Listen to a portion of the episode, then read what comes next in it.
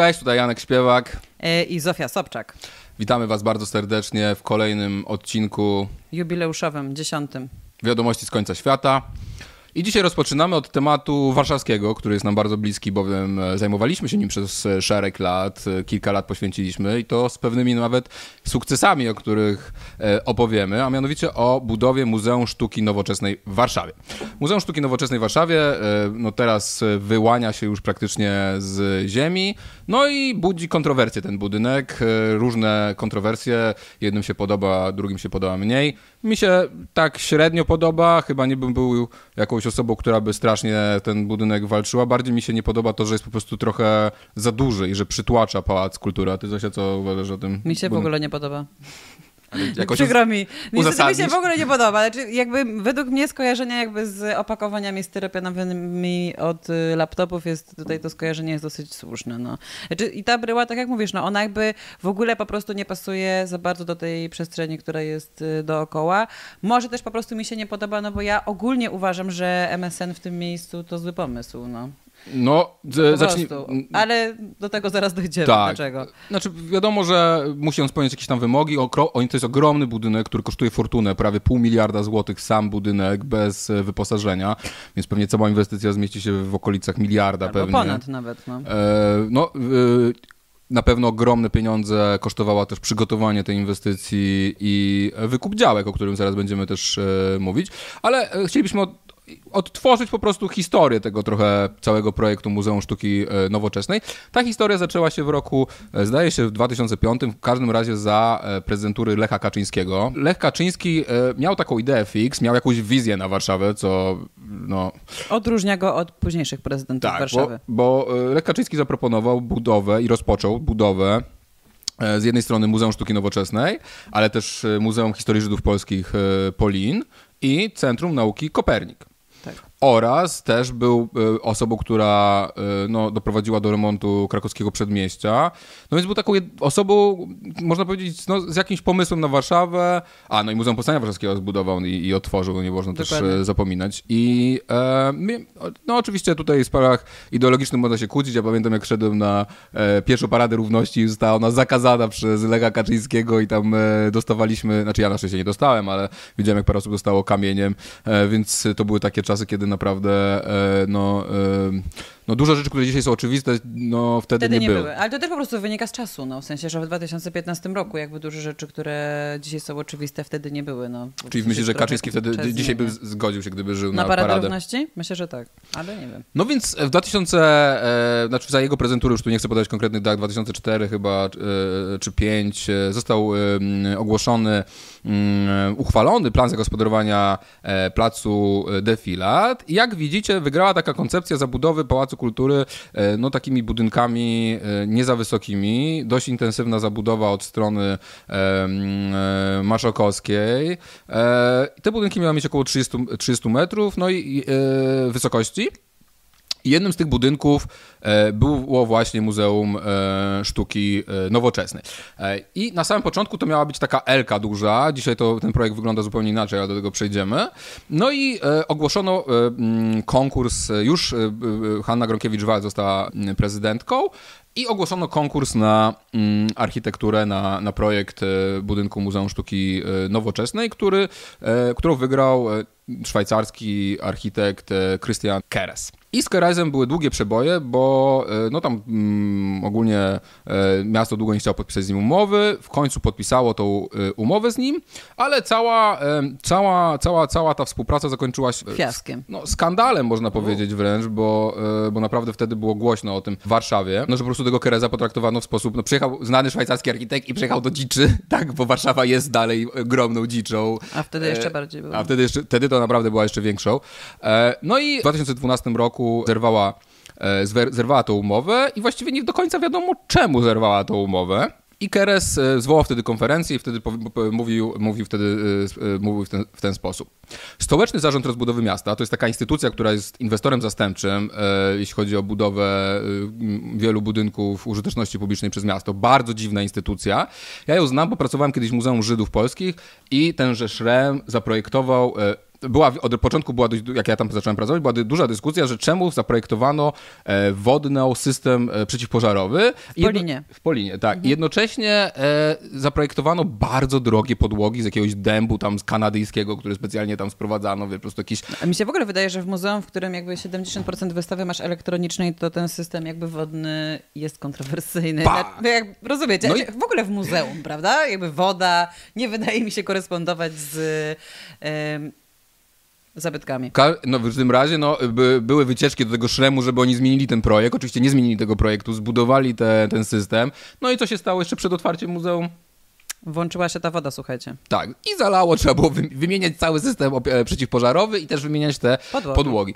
Więc koszty gigantyczne, oni o tym doskonale wiedzieli i no i co tu dużo mówić, to jest tylko to, co ja mogę oficjalnie powiedzieć wam o Szremie, ale ogólnie czajcie jaka to jest instytucja, po co Jaki ta instytucja tam po, się powołana, tak.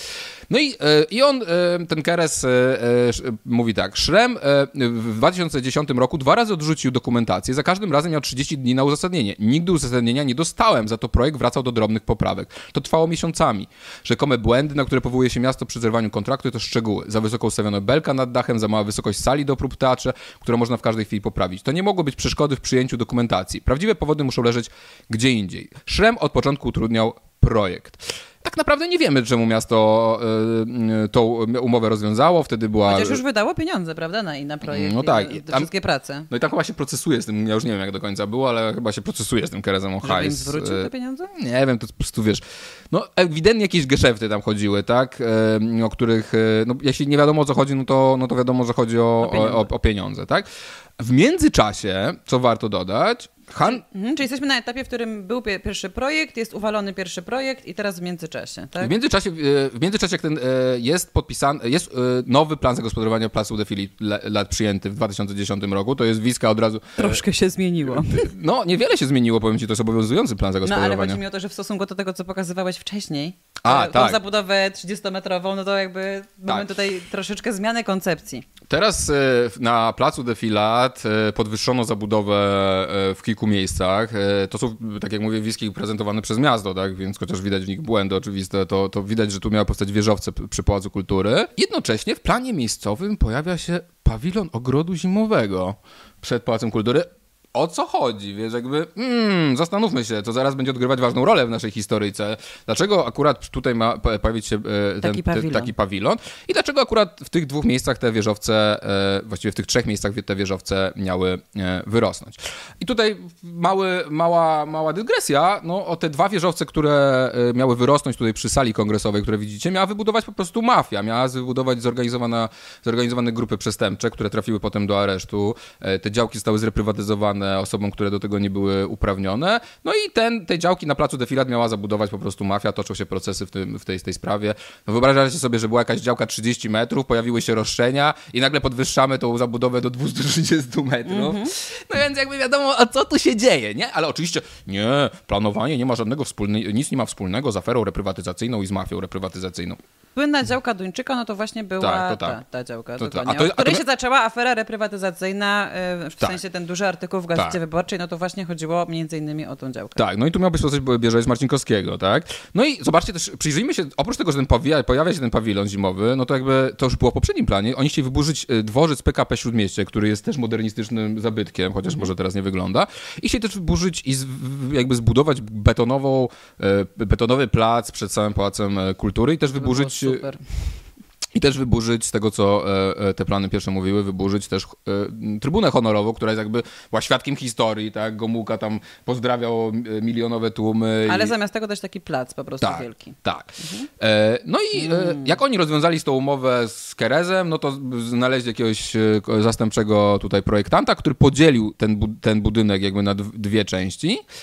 No i, e, I w jednej ma znaleźć się MSN, a w drugiej teatr. Teatr rozmaitości. Budynek MSN-u się buduje, budynek teatru się nie buduje. Widzicie tą, e, widzicie tą wizualizację, czysty beton. My też ją wiedzieliśmy w 2015 roku. Tak.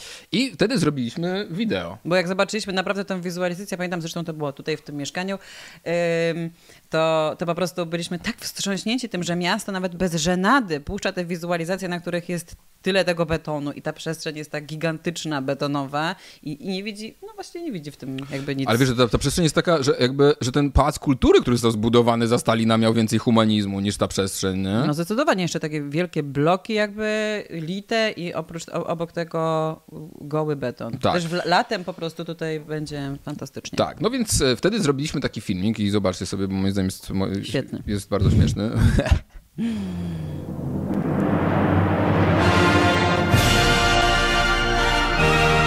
A dla wyjaśnienia wiceprezydentem Warszawy odpowiedzialnym za zabudowę był wtedy Jarosław Jóźwiak, którego zobaczycie. Tak. 전체 인민군 장병들과 인민들에게 따뜻한 새해 인사를 보내주시고 새해를 맞는 온 나라 모든 가정들의 행복을 뜨겁게 축복해 주시었습니다. 경례하는 원수님이 신년사를 또다시 받아하는 우리 경공성 안의 전체 정무원들은 올해 또다시 인민설품 생산에서 새로운 혁신을 일으킬 우리의 오보이신 경의하는 김정은 원수님께서는 전체 인민군 장병들과 인민들에게 따뜻한 새해 인사를 보내주시고 우리의 오보이신 경의하는 김정은 원수님께서는 전체 인민군 장병들과 인민들에게 따뜻한 새해 인사를 보내주시고 새해를 맞는 온 나라 모든 가정들의 행복을 뜨겁게 축복해 주시었습니다. 우리의 오보이신 경의하는 김정은 원수님께서는 전체 인민군 장병들과 인민들에게 따뜻한 새해 인사를 보내주시고 새해를 맞는 온 나라 모든 가정들의 행복을 뜨겁게 축복해 주시었습니다. 우리의 오보이신 경의하는 김정은 원수님께서는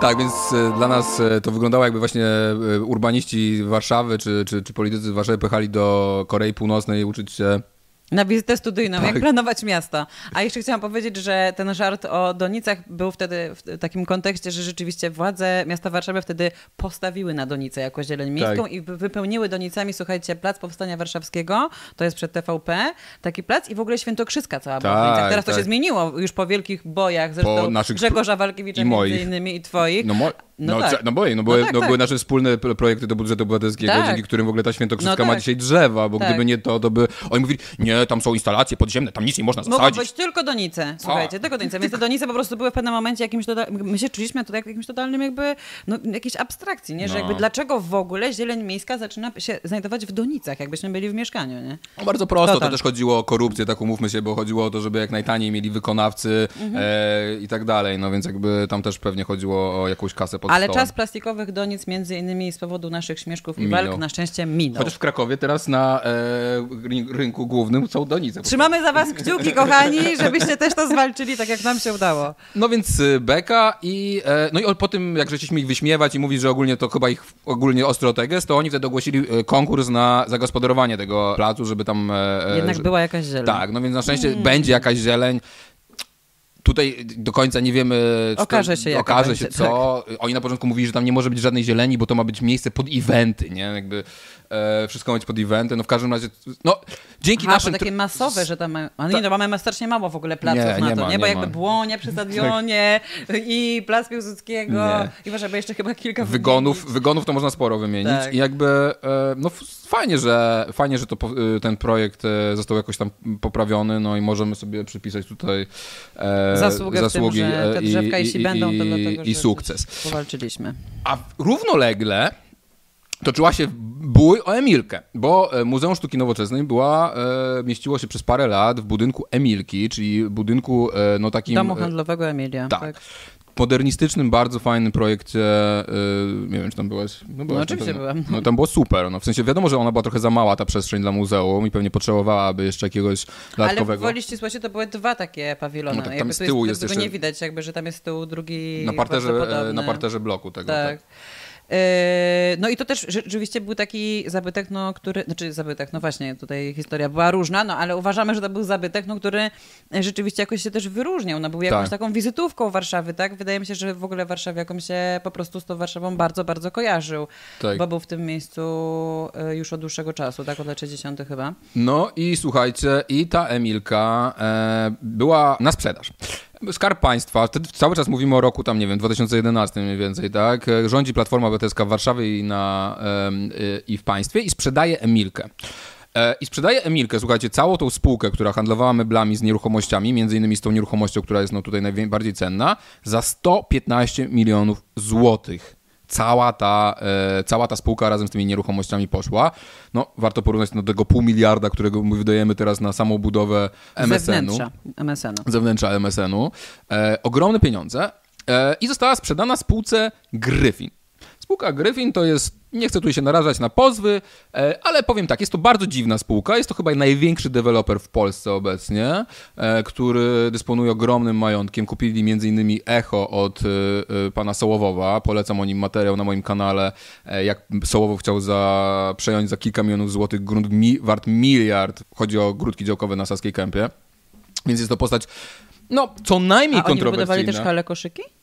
E, tak, tak, tak, Oni tak. byli odpowiedzialni za to, że hala koszyki, Została też, która była rozwalona. zabytkiem, została rozwalona i zrównana z ziemią i, i zamiast niej teraz postanowiono coś, co ma No, udaje- nawiązywać tak. nazwą głównie właściwie do hali Udaje, koszyki. tak, to był zabytek klasy zerowej, sece- secesyjny, nie secesyjny to I to, to czekaj, to teraz halę Gwardii i Mirowską też ma to przejąć? Nie, to BBI chyba chce A, przejąć okay. halę Gwardii, tak, bo ha- hala Gwardii, czyli też fragment hali mirowskiej też ma zostać sprywatyzowany. Jezu, I też ma zostać e, zamieniony i zrewitalizowany w nowy sposób i to prawdopodobnie ta rewitalizacja będzie oznaczała mniej więcej to samo, co w przypadku czyli- hali koszyki, Czyli śmierć, czyli, czy e, rotundy, śmierć czyli tego miejsca. śmierć zabytku. No. Śmierć zabytku plus być może no też śmierć części targowiska, tak, które jest chyba jest ostatnim takim prawdziwym targowiskiem w tej części Warszawy.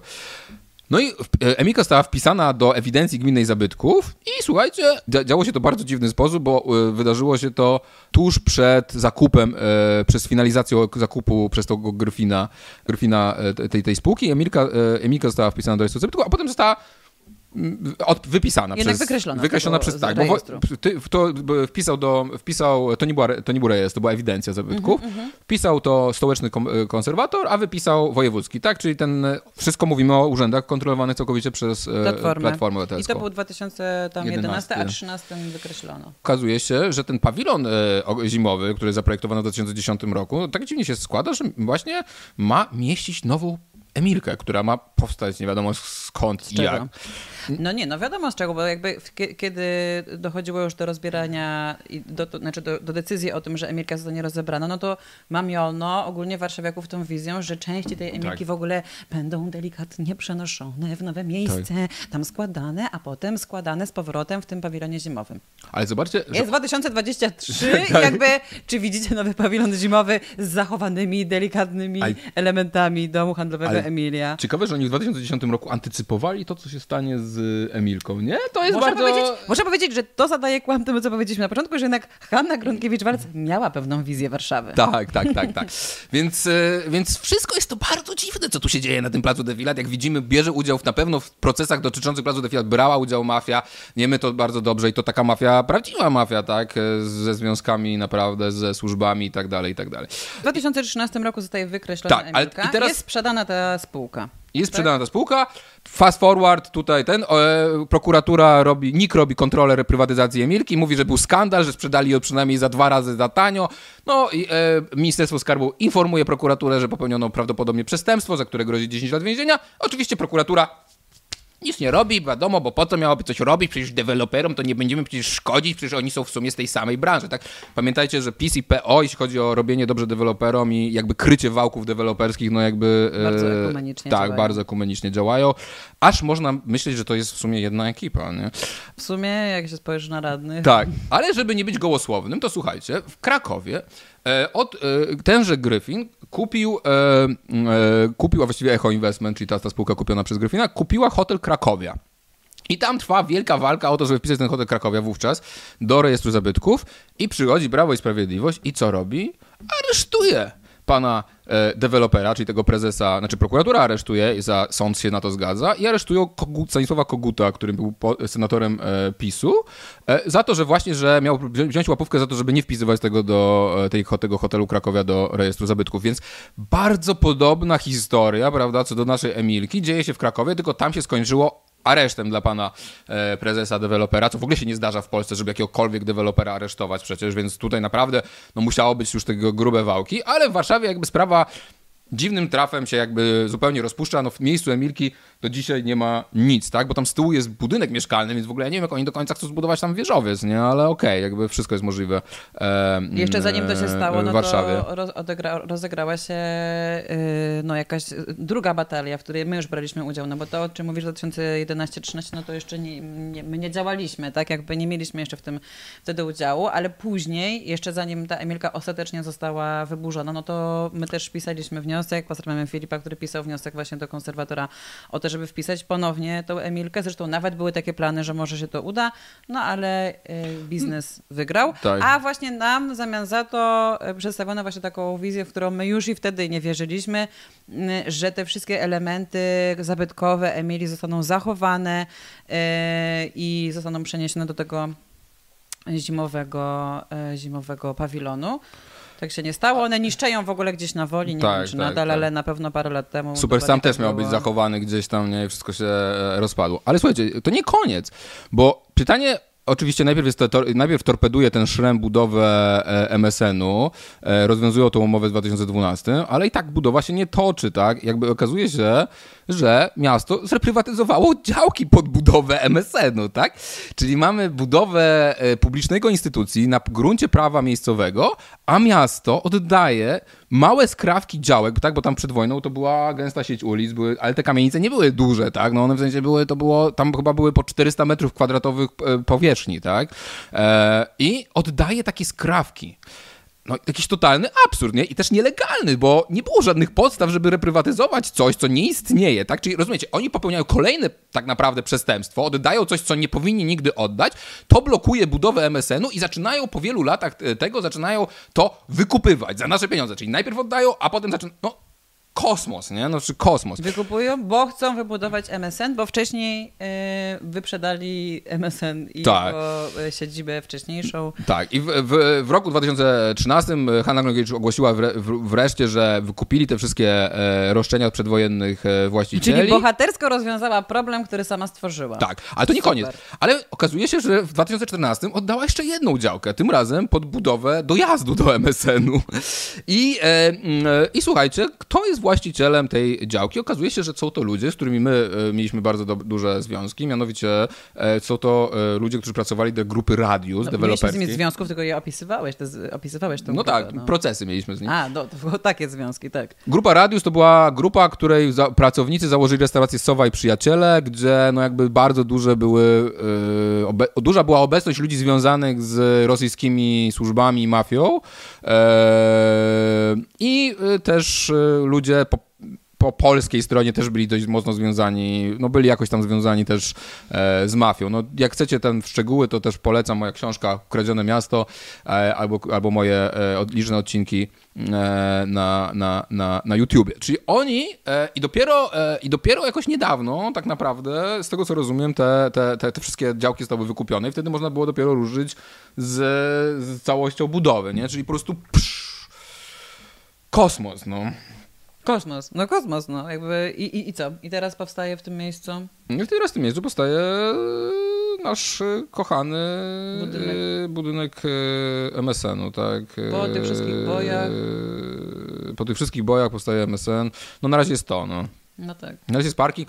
My chcieliśmy, żeby tam był Dokładnie, e, co my chcieliśmy? My chcieliśmy... Chcieliśmy tam centralny... Otóż to, to my chcieliśmy tutaj. Oczywiście, jak już proponowaliśmy tą wizję, to było w roku 2018, powiedzieliśmy, że oczywiście MSN mógłby tutaj powstać, prawda? Tutaj ten fragment MSN-u jakby ok.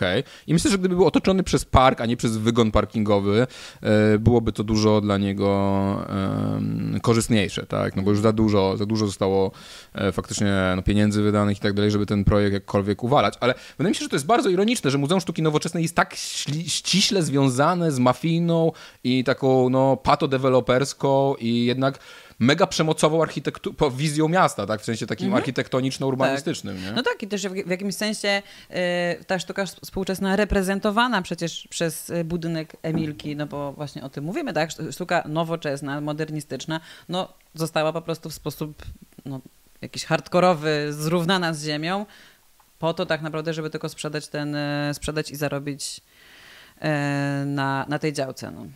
No tak, więc myślę, że mam nadzieję, że kiedyś MSN zrobi kolejną wystawę Warszawa w budowie o własnej budowie i pokaże, jak to było z budową. No jest to bardzo ciekawe, naprawdę myślę, że krytyczna historia MSN-u e, powinna powstać e, i liczymy na to, pracownicy i pani dyrektor MSN-u, że, e, że jednak któraś Warszawa w budowie będzie dotyczyć tego placu defilat, bo wymazywanie też historii, ciekawe, że oni chcą zmienić plac defilat na plac centralny, nie? że jakby tam jest też takie, no taka właśnie taka totalitarna wizja, tak, żeby zniszczyć tą, to, to, już teraz nie, tak, ale wcześniej było, żeby zniszczyć tą trybunę honorową, żeby no zmienić tak. tą nazwę, no żeby... No, no, że... I najlepiej sprzedać to wszystko w tak. ręce prywatnego biznesu, to by była optymalna wizja I to takiego mocno, umówmy się, dość szemranego, tak, biznesu.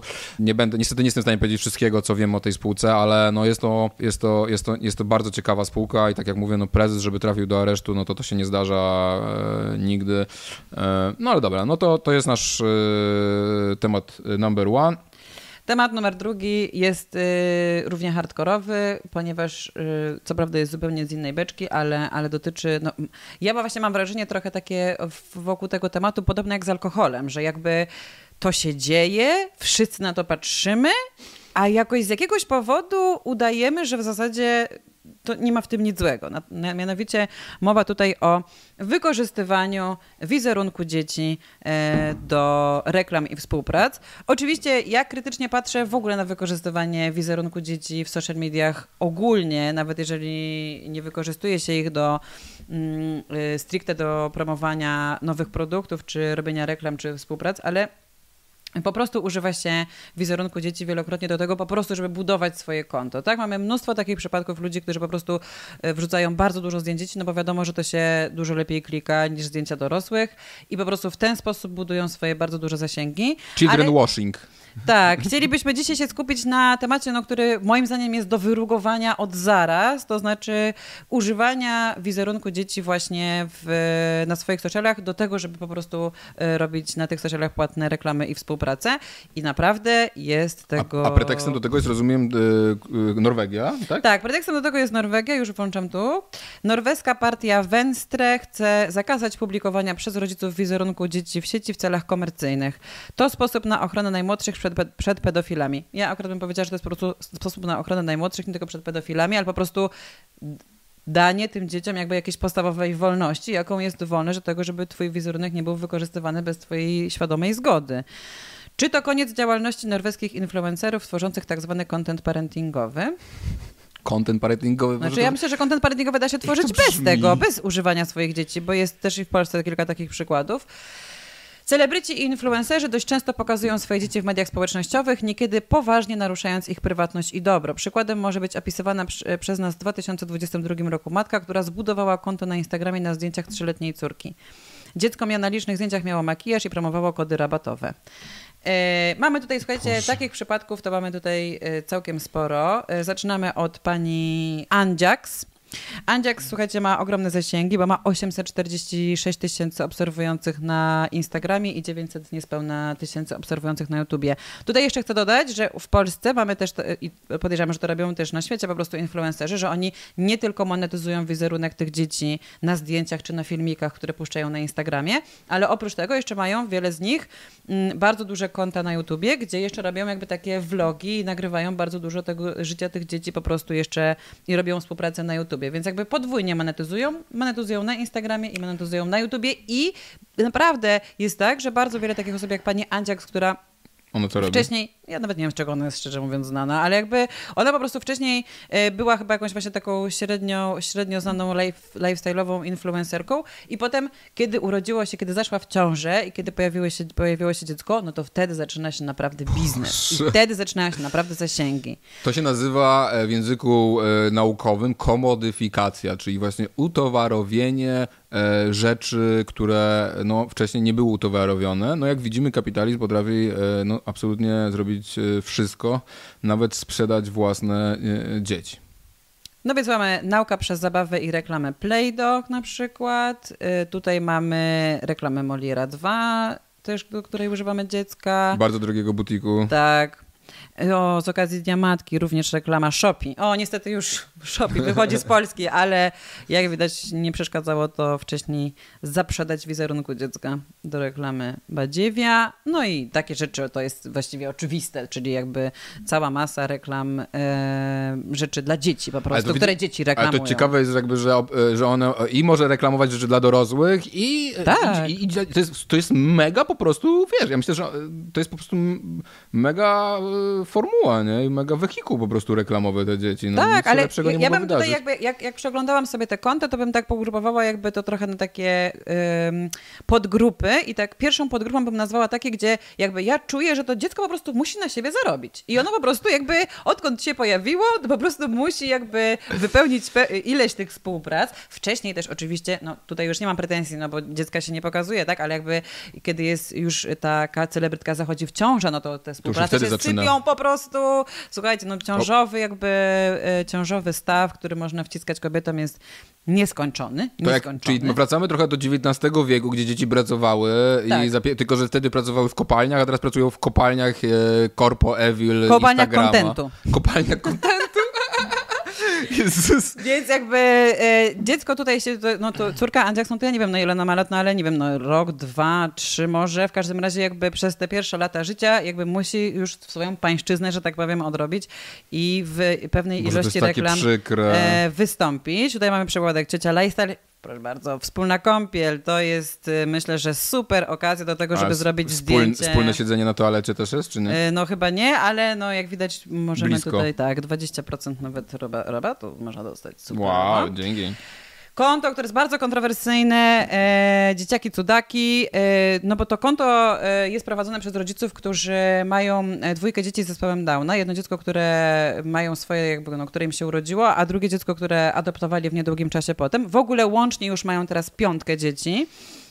I wszystkie te dzieci e, są zaprzęgane do codziennych tak naprawdę nagrań. Bardzo dużo jest e, nagrań takich, no no takiego ich prywatnego życia, bo wiecie, znaczy ja nie chcę tutaj też wartościować, oczywiście dla mnie używanie dzieci do reklam za każdym razem jest złe, ale rzeczywiście no, na pewną naszą większą uwagę zasługują takie konta właśnie jak Andziaks, czy za chwilę będziemy też mówić o Happy Family, czy właśnie Dzieciaki Cudaki, no które no po prostu całą tą prywatność jakby swoją pokazują na tym Instagramie. No I bardzo dużo konto, kontentu. To jest konto centralnie sfokusowane na te dzieci, tak? Dzie no tak, tak. Dzieciaki cudaki to jest 315 tysięcy obserwujących yy, i to jest konto, które jest, zostało założone Idea była taka. Idea była taka, żeby pokazać ludziom, że dzieci ze zespołem Downa są takie jak my i po prostu my chcemy tak naprawdę normalizować dzieci I też chcemy Downa. zarabiać hajs na dzieciach z zespołem no, Downa. Równouprawnienie. No, no one są wszystkie, no tak, bo oni w ogóle tam między nimi jest, ich tak piątka tych dzieci jest jakby tam co pół roku czy co roku jest różnica między nimi, więc oni są, no wszystko bardzo malutkie dzieci. Mm, ja przez jakiś czas obserwowałam to i rzeczywiście po prostu ilość jakby tego kontentu też jest bardzo duża, że one jakby, ba, oni bardzo dużo nagrywają nagrywają. Bardzo dużo filmików, bardzo dużo to musi być codziennie e, tych, e, tego pokazywania zdjęć, od rana do wieczora. No. Zrobienie takich zdjęć, żeby one ładnie wyszły z tymi małymi dziećmi, to przecież to dla tych dzieci musi być koszmar, tak. nie? że one muszą się ustawiać, przestawiać, tak. coś tam. No po prostu, wiesz, no e, to jest, to jest praca normalnie, tak? Mamy, mamy, mamy dzieci zaprzęgnięte do tak. pracy, tak. bez ich oczywiście zgody i, i więcej, bez ich świadomości tak no często. Tak. tak. I jeszcze bym tutaj właśnie dodała jakby tą podstawową kwestię, jaką jest prawo do wykorzystywania wizerunku, tak? To wszystko, co teraz pokazujemy wam przykłady, to są wszystko osoby, które do social mediów wchodziły na własnych zasadach, bo takie były czasy, tak? One były już pełnoletnie często, albo nastoletnie, kiedy swój wizerunek udostępniały w internecie. A to z tego samego jakby odmawiają swoim dzieciom, tak? Mm. Które mają całą historię swojego wizerunku w internecie, bez względu na to, czy im się to podoba, czy nie.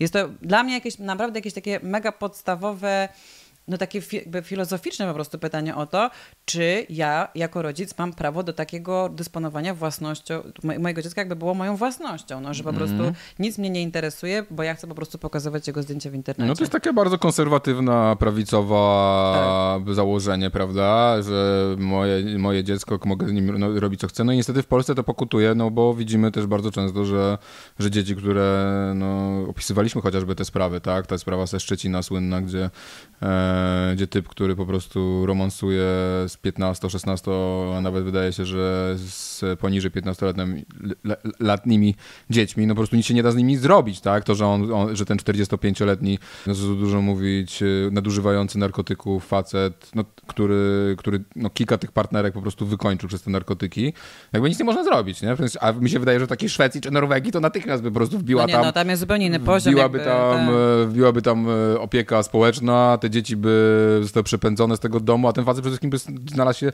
w więzieniu. Zresztą na koniec powiemy, co Francja, jakie regulacje Francja ma w tej sprawie. Happy Family, o to jest w ogóle, słuchajcie, naprawdę gruba, gruba jazda, bo to też są ludzie, którzy nie tylko prowadzą bardzo aktywnie swojego Instagrama, ale oni też właśnie bardzo aktywnie prowadzą swojego YouTube'a. Ja oglądałam kilka ich filmów, e, kiedy oni pokazywali po prostu jak jadą na porodówkę, jak są na porodówce, jak ona już urodziła, jakby wiecie, no po prostu ja mam wrażenie, nie wiem, czy tak jest, ale mam wrażenie, że ci ludzie decydują się na kolejne dziecko, dlatego że to im daje możliwość odnowienia jakby znowu tego samego e, interwału współpracowego, tak? No, że znowu jest... masz ciążę, znowu masz poród, znowu masz połóg, znowu masz małe dziecko. Te, małe, te małe dzieci to też jest ciekawe, ponieważ starszych dzieci tak bardzo się nie eksploatuje, bo one już nie chcą po prostu. Moim zdaniem jest tak, że starsze dzieci, jak masz kilkuletnie, czy takie później, późniejsze szkolne, to one po prostu się buntują. Nie wiem, czy Rozenek temu. masz w tym, w, w Rozenek masz w tym... E, Rozenek ma akurat starsze dzieci. No ma i on no te tak. dzieci non-stop katuje. Tak, one mają tak. tam, ale za 8-10 lat. Ale widać to po Instagramach, że jednak bar, największa ta eksploatacja dotyczy takich dzieci właśnie kilkuletnich, no bo one de facto nie są w stanie się po prostu temu sprzeciwić, nie? Aktywnie. Happy Family, proszę bardzo. No tutaj w zasadzie od początku to mamy akurat prenatal, bo jest w ciąży trzeciej, więc y, reklamuję tutaj y, leki dla kobiet w ciąży, suplementy. Mhm. No lepiej to niż taki. wino, e, wino bezalkoholowe dla kobiet w ciąży. Tak. tak. Pozdrawiamy żonę pana mm, e... Żebrowskiego. Tak. E, a tutaj e, jest filtry, filtry na Instagram, które oni, słuchaj, sami produkują, więc jakby dziecko zostało zaprzęgnięte po prostu wprost do biznesu rodziców. I to jest zresztą kolejna podgrupa, bo ta pierwsza to właśnie powiedziała po prostu dzieci, które muszą wziąć udział w iluś współpracach, żeby, żeby zarobić na swój byt. Mamy drugą, drugi przypadek i to jest przypadek na przykład mamy ginekolog, gdzie ona tak bardzo takich współprac zewnętrznych nie robi ze swoimi Ma dziećmi, biznes. ale ona po prostu tymi dziećmi reklamuje swój własny biznes, dokładnie. E, tu mamy jeszcze, e, jeszcze Happy Family i pieluszki, a tu mamy, mamy ginekolog, o proszę bardzo, piękna i długa reklama, e, w której bierze udział zresztą jej syn. I drugi tak samo reklama Roger Publishing, reklamowany przez jej drugiego syna.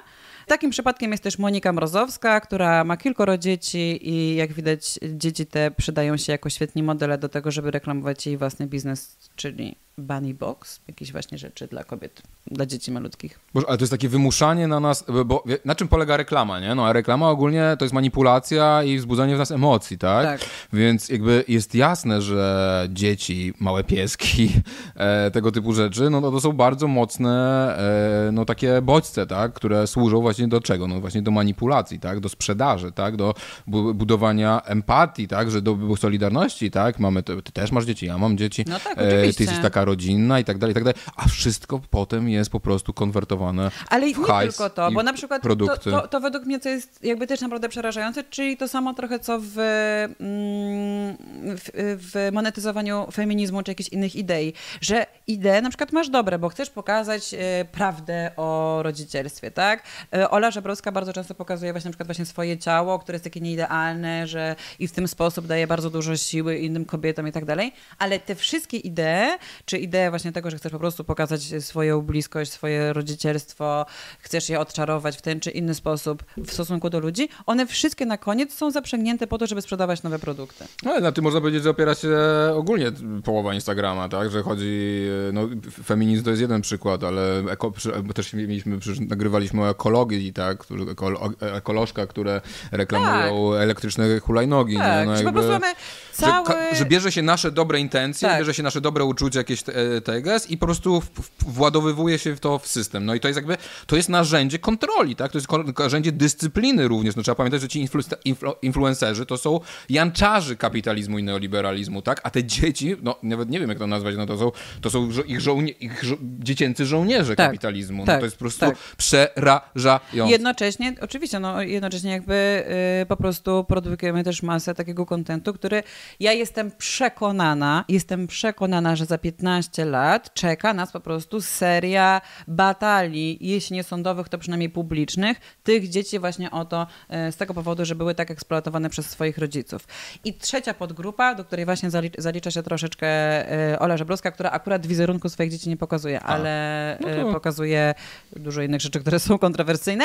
To jest właśnie, to jest właśnie trzecia podgrupa, to jest właśnie, to są małżonkowie sławnych osób. I tu mamy właśnie Agatę Rubik, która ma bardzo aktywne konto, tam 150 tysięcy chyba obserwujących i ona robi głównie tę współpracę. Te, które tu widzicie, to są właśnie zdjęcia z jej profilu ona tak naprawdę jest znana tylko dlatego, że ma znanego męża, ale tak jak ja patrzyłam na profil jej męża, to tak aż tam dużo tych, tych, tych, tych współprac nie ma.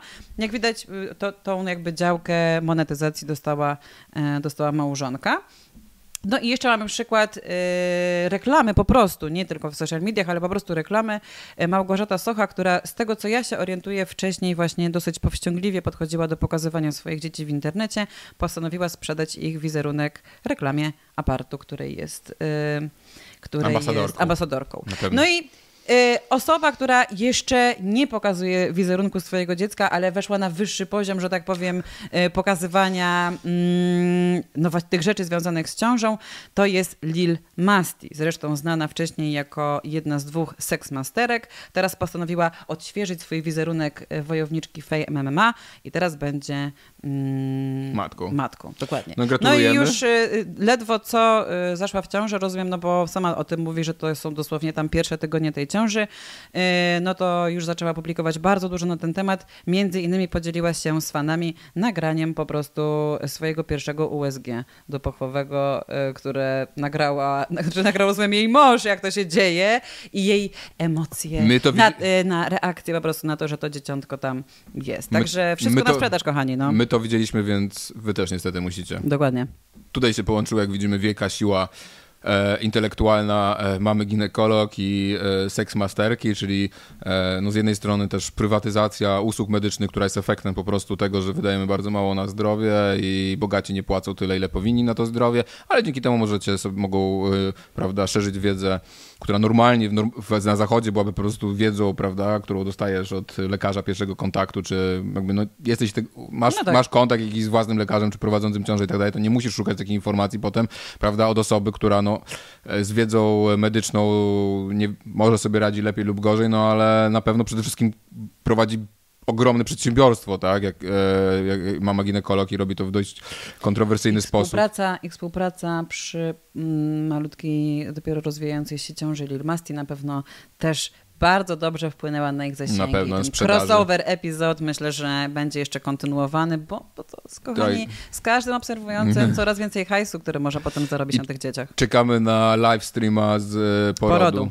Tak, to jest konieczne na pewno. E, mm. To myślę, że przed nami. Może, może Lil Masti będzie tą osobą. Okaże się.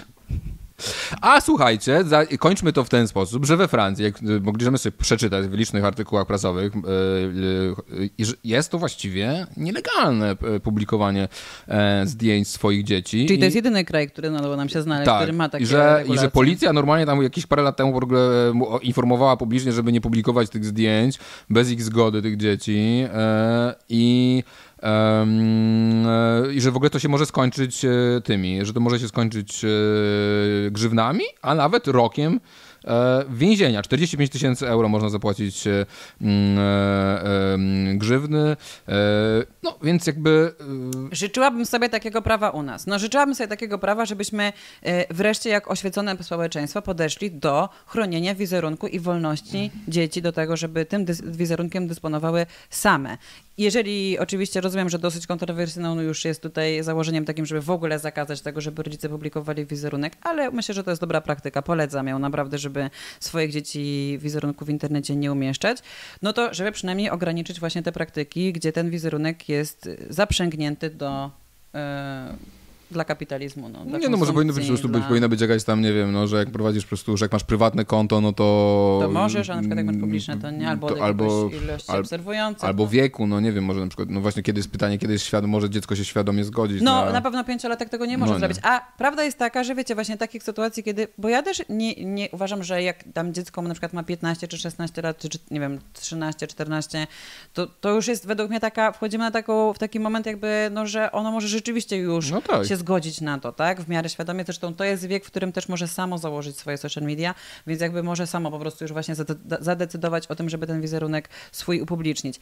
Ale Prawda jest taka, że prawie wszystkie te profile, o których mówimy i te, które mają największe zasięgi, to nie są ludzie, którzy promują się na swoich zdjęciach swoich nastoletnich dzieci właśnie, dlatego podejrzewam, że one tego już nie chcą, tylko to są ludzie, którzy eksploatują dzieci do roku, dwóch, trzech, pięciu lat no po tak, prostu. No, taka jest logika kapitału. Kapitał chce skolonizować każdy możliwy obszar y, życia i po prostu jak widzi w tym hajs, to będzie to robić, tak? I jeśli my nie postawimy tamy y, kapitałowi, no to będziemy mieć prostu więcej takich rzeczy, coraz więcej, tak? No bo to jest równia pochyła, no chociaż nie wiem za bardzo, co oni jeszcze są w stanie zmonetyzować. No. A propos kapitalizmu, który chce monetyzować każdą część życia, to mamy tutaj obiecany wywiad z Gazety Wyborczej. E, a, więc bardzo króciutko e, przekażemy wam, e, tak, bo obiecywaliśmy na, na tym, że Wyborcza opublikowała artykuł na temat, właściwie nie, nie, nie artykuł, tylko reportaż w ogóle, tak, mm. który jest praca jak każda inna. Praca jak każda inna, słuchajcie. Bardzo bym chciałby, życzyła, żeby oddemonizować ten sex work w Polsce. W ostatnim no, odcinku tak pokazywaliśmy fragment Brokatu, czyli tego serialu Netflixa, gdzie ten, to jest pokazany ten prostytucja jest pokazana jako... Przedostatnim, w ósmym odcinku, jak mnie to było. Prostytucja jest pokazana jako, że atrakcyjne dziewczyny, które mają duże libido, wybierają sobie same partnerów. Nie, no i... no w ogóle to jest tam pokazane po prostu e, tak, że te kobiety w ogóle realizują się i mają bardzo kolorowe, szczęśliwe tak. życie bez żadnych problemów e, związanych z taką profesją. I ten wywiad był o tyle, ten reportaż był o tyle straszny, że już myśleliśmy, że okej, okay, już tak dużo zaczęło się o tym mówić, nie? że jakby ten, że ten sex work to jest tak naprawdę po prostu no, nową mowa korporacyjna, żeby sprzedawać y, stary, dobry patriarchat i prostytucję i że może jednak ktoś się opamięta, ale nie. E, I nie czytamy tego w mediach libertariańskich, które w teorii tak, oni to libertarianie, Jak tak. najwyższy czas na Korwin, tak, tak, że wszystko jest na sprzedaż, każdy może sprzedać wszystko, możesz nerkę sprzedać, tak, no. E, Korwin Mikke to w ogóle uważał, że można było sprzedać własne dzieci, tak. Tylko czytamy to w liberalnych, wrażliwych mediach, e, prawda, takich jak Gazeta Wyborcza. I jest to dość niesamowite. Bo dokładnie tak jest to pokazane, tak jak w tym brokacie, tak? Że one wybierają sobie partnerów, że właściwie to wszystko jest super tego, że to, to jest super, super miłe i w ogóle tam nie ma żadnych, żadnych, żadnych nieprzyjemnych sytuacji. Właściwie. I, I artykuł zaczyna się od tego. Za poranny 15-minutowy seks i cały dzień w Energylandii dostałem 6 tysięcy zrywał dla mnie czereśnie, pierścionek mi przyniósł. Słuchajcie, ja myślę, że każda historia y, os osoby, która zajmowała się, czy zajmuje się seksworkiem, czy prostytucją, y, właśnie tak wygląda. Mm -hmm. Właśnie wygląda dokładnie tak, słuchajcie. 15-minutowy seks, 6 tysięcy złotych, czereśnie i pierścionek. I jaki jest cel Oli? O, to, y, twierdzi, że w dobrym miesiącu zarabiasz nawet 100 tysięcy. Chce jak najszybciej mieć wystarczająco dużo pieniędzy, żeby kupić apartament zakopanym, mieć, jak sama mówi, dochód pasywny.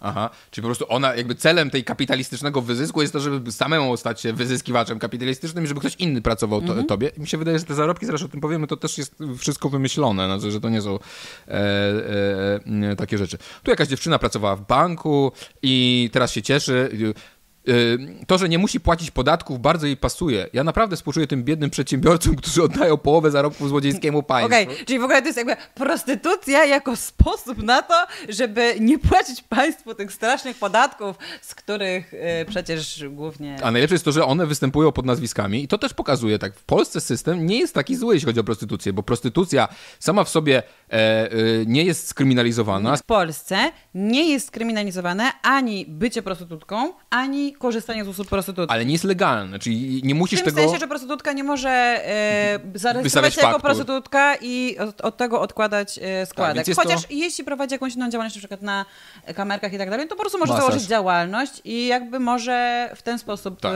E, się obsłużyć, jeżeli tak. chodzi o składki i ubezpieczenie zdrowotne. Ale oczywiście, no dobrze by było może rzeczywiście, żeby miały to ubezpieczenie zdrowotne, tak? No i y, zakazany jest udział osób trzecich, czyli alfonsów tak zwanych. Tak, czyli tak? osób, które jakby właśnie sprawują jakąś opiekę, opiekę. dziwnej dziwnego autoramentu najczęściej nad tymi e, kobietami. I. I najczęściej dziwnym przypadkiem są mężczyznami. Tak, jakby, tak i środowiska sex worku, jakby, e, które, które, które no, są... czyli sex work Polska przede wszystkim. Tak, no. są legalizacji al alfonsów. To, tak? co podnoszą taką wrzawę, że w Polsce jest nielegalna e, prostytucja i sex work, to, to, to właśnie dotyczy tego. Nie tego, że mamy kryminalizację samego sex worku, tylko właśnie tego, że mamy kryminalizację bycia alfonsem i osób, które właśnie tą taką dziwną opiekę sprawują nad tymi osobami.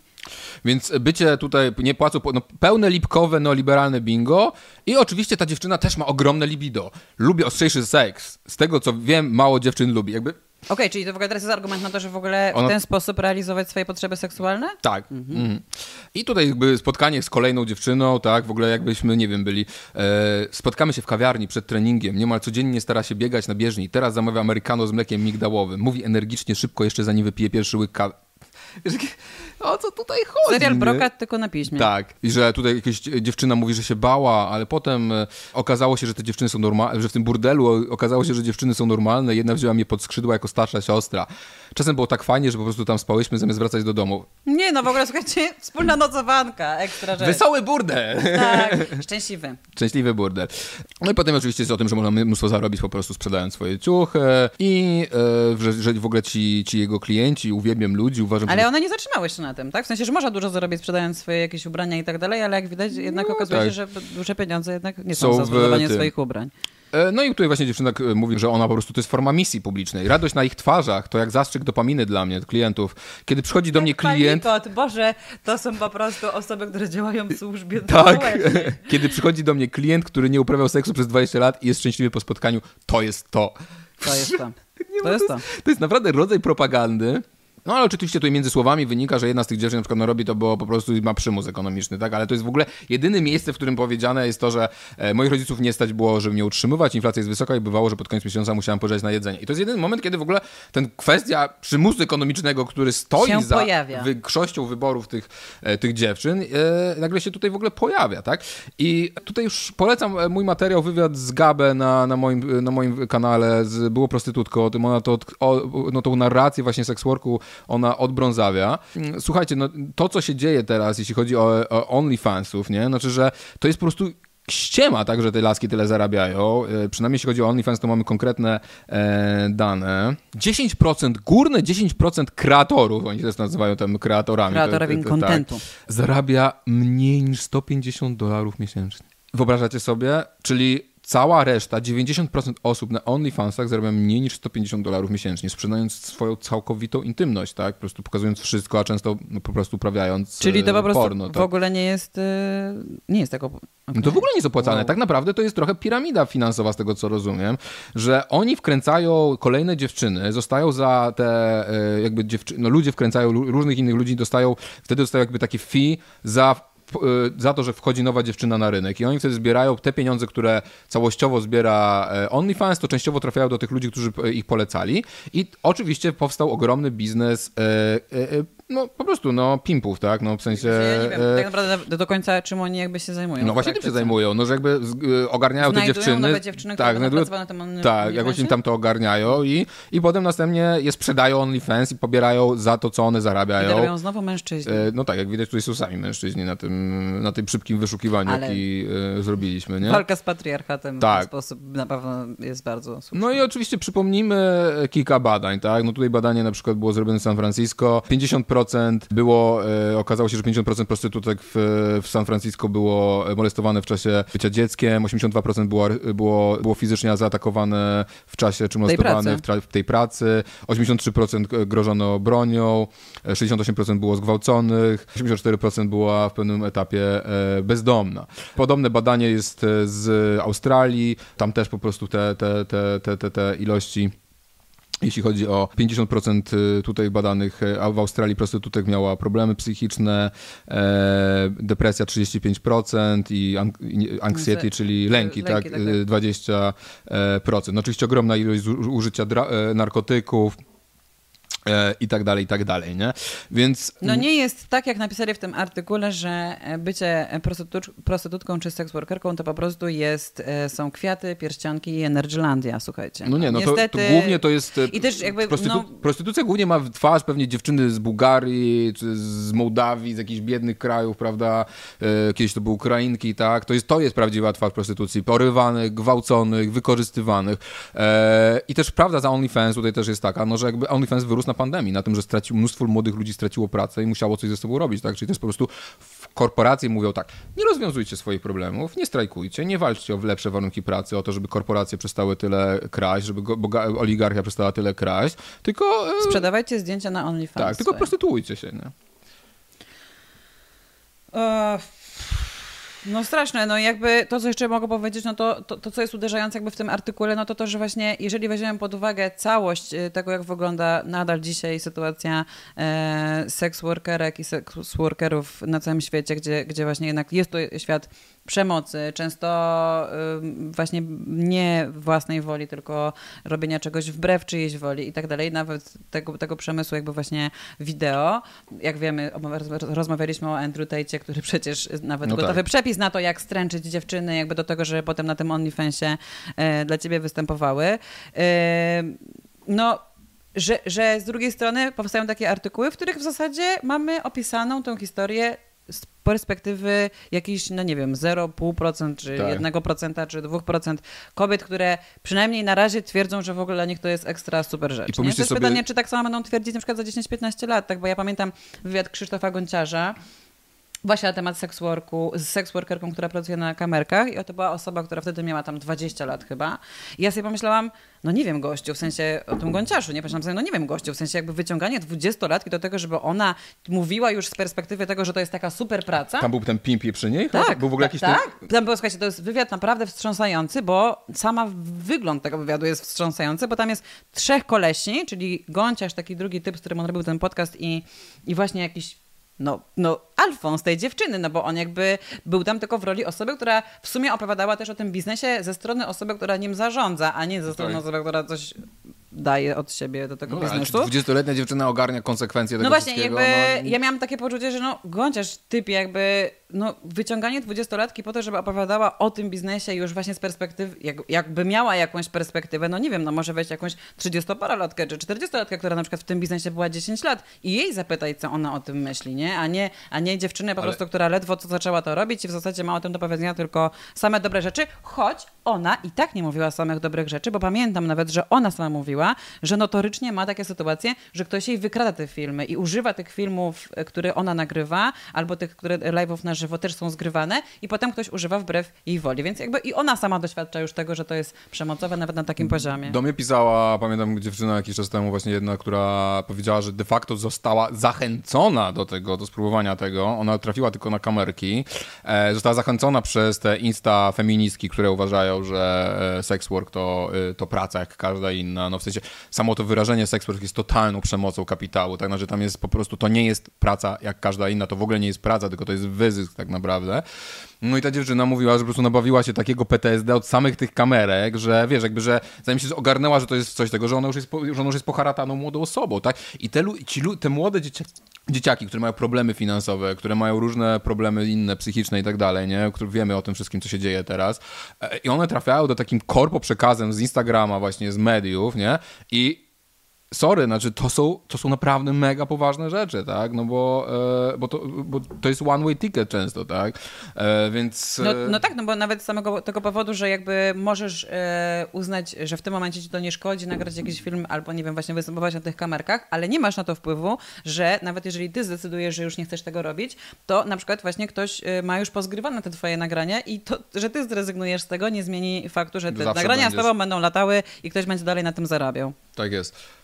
Więc Sławomir Mencen udzielił wywiadu, w którym e, no, w ogóle uważa, że 500 plus jest waloryzowane Przede wszystkim Sławomir Mencen udzielił bardzo długiego wywiadu, bo ten wywiad y, tam y, oceniała mi wyszukiwarka, że 18 minut się czyta, nie? Czyli no to jest naprawdę kawał wywiadu, więc to no nie tak. było tak, że Mencena gdzieś złapali, prawda, gdzieś tam, gdzie on biegł i nie miał czasu, tylko był przygotowany na poważny wywiad z ludźmi z Dziennika Gazety Prawnej y, i no jak widać do tego wywiadu przygotował się, bym powiedziała, raczej średnio, bo głupoty na głupoty, na głupocie właściwie tam gada, no.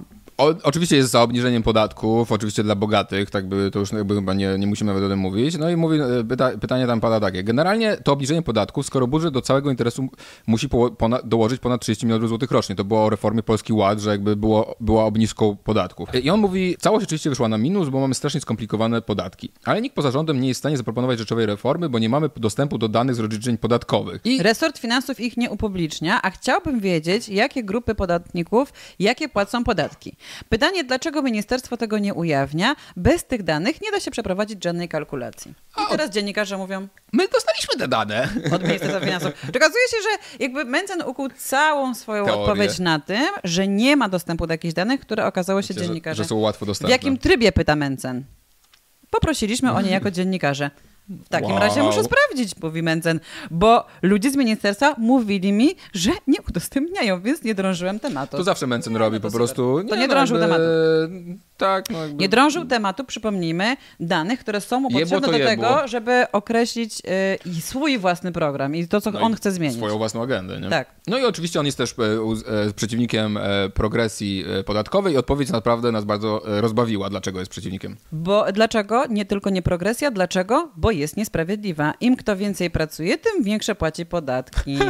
To jest po prostu, to, ja, ja to, jak przeczytałem to zdanie, to się nad sam zacząłem śmiać, nie? No bo jakby chyba jasne jest to, że kto więcej zarabia, tym de facto mniej pracuje, bo, bo, że, bo nie jesteś w stanie zarabiać naprawdę dużych pieniędzy e, e, pracując sam, tak? No zawsze prac, ktoś inny na ciebie pracuje, nie? W sensie, więc najwięcej zarabiają... Here we go again. No jakby w sensie jesteśmy znowu w rozmowie na ten temat, czy ktoś, kto dużo zarabia, dużo pracuje odpowiednio no więcej. No nie, no nie, no, no, no to... dokładnie nie, no w sensie ten cały dochód pasywny, ta cała gadka, no chodzi o to, żeby nic nie robić, tak, żeby doświadczyć nirwany kapitalistycznej i żeby nic nie robić i oczywiście Żeby jest... inni robili na ciebie. No tak, i najwięcej pracują biedni, to jest chyba dla... Nie wiem, znaczy, komu on to może w w 2023 roku komu on może coś takiego wkręcić, że ktoś więcej pracuje i więcej zarabia? No jakby kto w to uwierzy? No chyba tylko... No i oczywiście tutaj jest e, no. kolejna, kolejny fragment jest o e, śmieciówkach. No i jakby...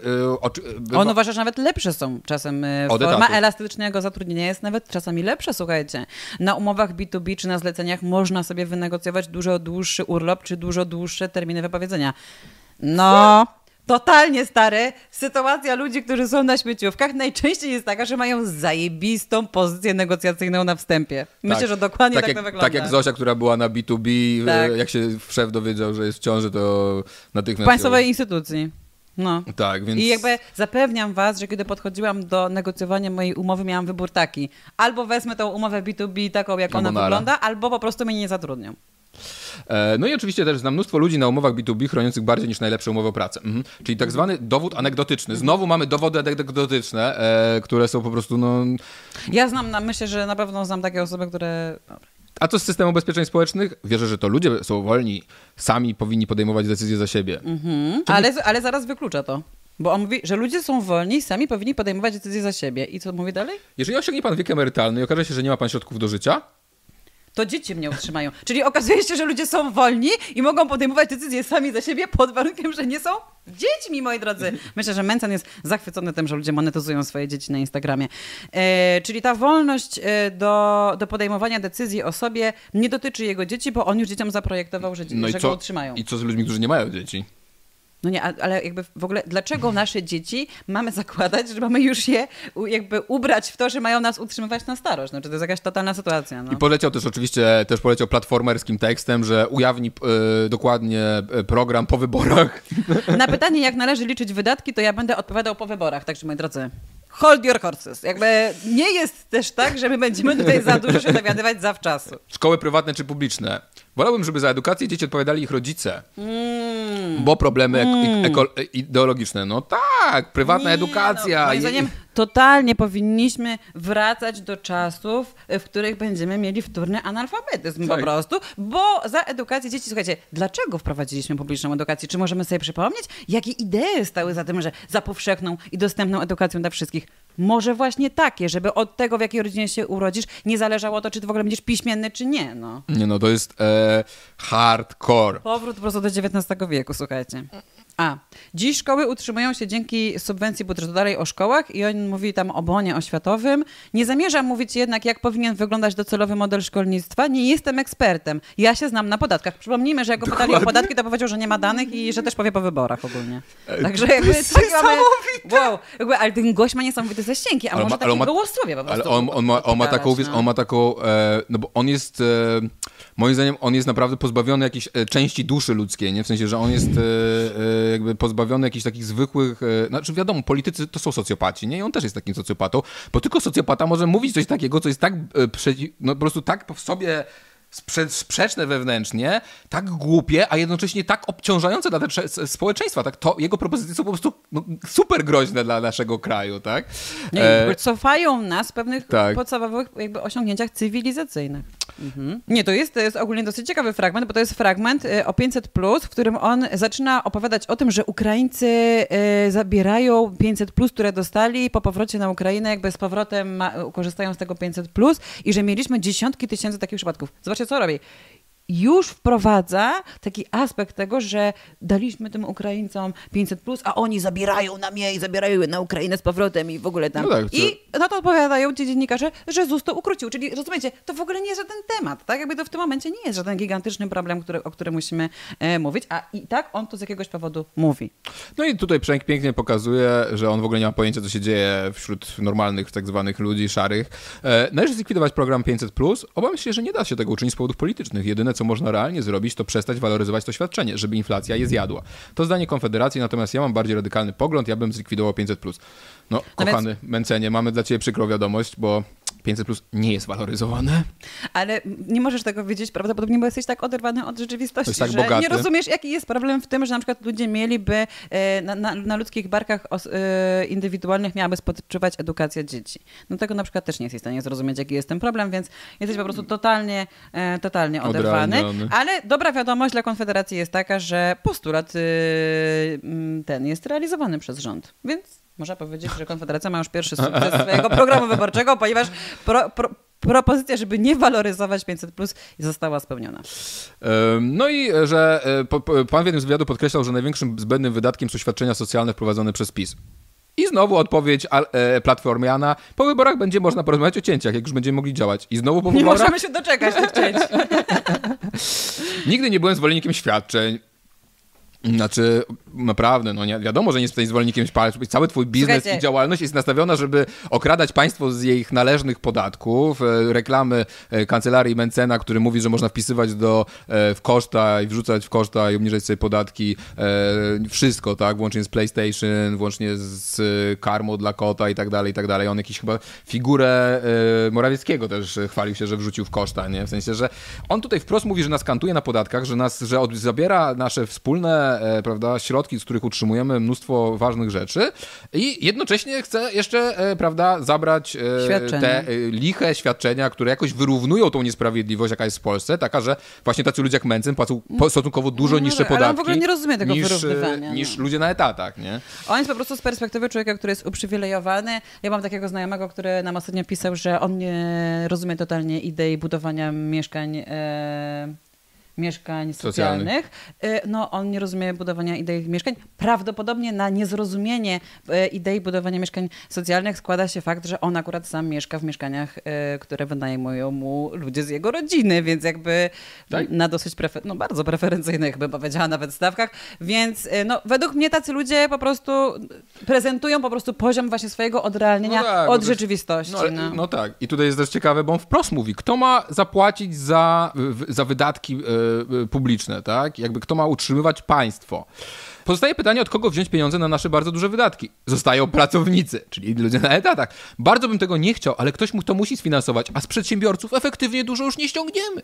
Nie da się, nie da. Oni muszą płacić niższą składkę zdrowotną, wrzucać sobie wszystko w koszta, e, mieć bardzo wygodnie tak. niskie stawki opodatkowania. I jeszcze tarcze, i jeszcze tarcze. Jeszcze tarcze i po prostu, e, prawda, i wszystko, e, prawda. Znaczy oczywiście z przedsiębiorcami jest ten problem, że dużo Polaków jest zmuszona na tym, żeby być na B2B, e, czy tam JDG i tak dalej i oni mają małe biznesy często i te, oczywiście ZUS jest, e, no ZUS jest ryczałtowy, tak, czy jakieś inne rzeczy, więc proporcjonalnie jak prowadzisz mały biznes, który jest mało dochodowy, to płacisz stosunkowo wyższe podatki tak. niż taki Mencen, który w ogóle jak się chwali w tym wywiadzie nie płaci w ogóle ZUS-u, mm -hmm. bo ma mhm. spółkę e, komandytowo-akcyjną. Moi drodzy, moim zdaniem to, co Mencen proponuje, to jest cały czas zażynanie właśnie tych małych przedsiębiorców, a wspieranie tych średnich i dużych, tak? No jakby tak. Po, ale jakby szantażowanie non-stop ludzi tym, że może, Boże, po prostu nie możemy już na przedsiębiorców nic więcej nałożyć, bo oni są tak strasznie tak. dojechani. No, e, przypomnijmy, że średni duży biznes ma najwyższą rentowność w historii. Inflację, tą historię z inflacją wykorzystuje do tego, żeby sobie zwiększyć marżę. Mają, płacą niższe podatki i składki niż ludzie zatrudnieni na etatach. Mają naprawdę bardzo komfortowe warunki w Polsce stworzone. Polska ma jedne z najniższych kosztów pracy w Unii Europejskiej. Tylko chyba Rumunia i Bułgaria z dużych krajów Unii to mają tańszą pracę niż w Polsce, tak? E a oni ciągle narzekają. Mam chorą Turk, mam chorą firmę. Tak, mam te... tak, mam chory biznes, da, no. Daj pieniądze, daj tak, pieniądze, tak, tak. państwo daj pieniądze. No, oczywiście, jak tylko a, się a, zaczęła pandemia, to pierwsza rzecz była taka. A kto ma zapłacić za wojsko, kto ma zapłacić za ochronę zdrowia, kto ma zapłacić za emeryturę? Etatowcy, tak? Pracownicy. Więc jakby na mnie naprawdę jego chucpa niesamowita, że on mówi tak, ja dymam wszystkich, ja wydymam wszystkich, jakby, że to może być dla kogokolwiek atrakcyjne. No to jest program moim zdaniem dla 15-latków. No, no i chyba tak, no i chyba Chyba tak, no dokładnie. Nawet... Dla, dla, ludzi, którzy po prostu mają gdzieś tam, jeszcze są u progu po jakiegoś po dorosłego życia i po prostu wydaje im się, po pierwsze, że wszyscy będą miliarderami, a po drugie, że właśnie nie rozumieją tych podstawowych potrzeb Ale... i nie widzą tego, że naprawdę jeżeli, że edukacja publiczna jest pewnym osiągnięciem, dzięki któremu wyrównujemy szanse e, dzieci po prostu. No i e, Mencen naprawdę, e, a my nawet w ogóle nie mówimy o, o, o homofobii, prawda? A nie, tak, tak. O, o, tym, że oni wszyscy Cały czas trzymają na pokładzie, przypominamy, Grzegorza Bra Brauna. Tak, i powiedział w wywiadzie, że oczywiście, że, go, że będzie startować Grzegorz Braun. E, więc jakby nawet nie mówimy o tym po prostu hardkorowo e, e, prorosyjskim, e, prawda, tak. E, po, Właśnie homofobicznym, homofobicznym e, e, po, no. polityce, no. tylko mówimy o jego poglądach gospodarczych, które są po prostu poglądami, no, no, no, no naprawdę. No, I których nawet nie jest w stanie w wywiadzie, tak. w którym mógł się do niego przygotować, mógł zaprezentować jakieś rzeczy, on nawet w tym jakby do tego podchodzi po prostu olewczo. Ktoś mi napisał na Instagramie, że on się zachowuje tak jak dzieciak, który przyszedł nieprzygotowany na egzamin i po prostu coś szyje tak naprawdę na bieżąco, bo jemu zadają trudne no pytania. No jest, I to jest ta sytuacja. On jest nie? dzieciakiem, znaczy głosujcie na Konfederację, to wam podwyższą podatki, bo to się na tym skończy, że etatowcy będą płacić wyższe podatki, a bogaci będą płacić mniejsze podatki. To jest właściwie cały program Konfederacji, plus oczywiście nienawidzimy obcych i kochamy Rosjan. No, Tutaj chyba możemy skończyć, bo dzisiaj wyjątkowo Postawić nam chyba e, dłuższy Długo nam wyszło. program. No, troszkę dłużej niż ten. E, wielkie dzięki, że oglądaliście, dotrwaliście do końca. Dajcie lajka, subskrybujcie, e, wspierajcie na Patronajcie. No i co? Jakbyście mieli jakieś uwagi czy pomysły, to oczywiście... Piszcie do nas. Do zobaczenia następnym razem. Wszystkiego dobrego. Pa!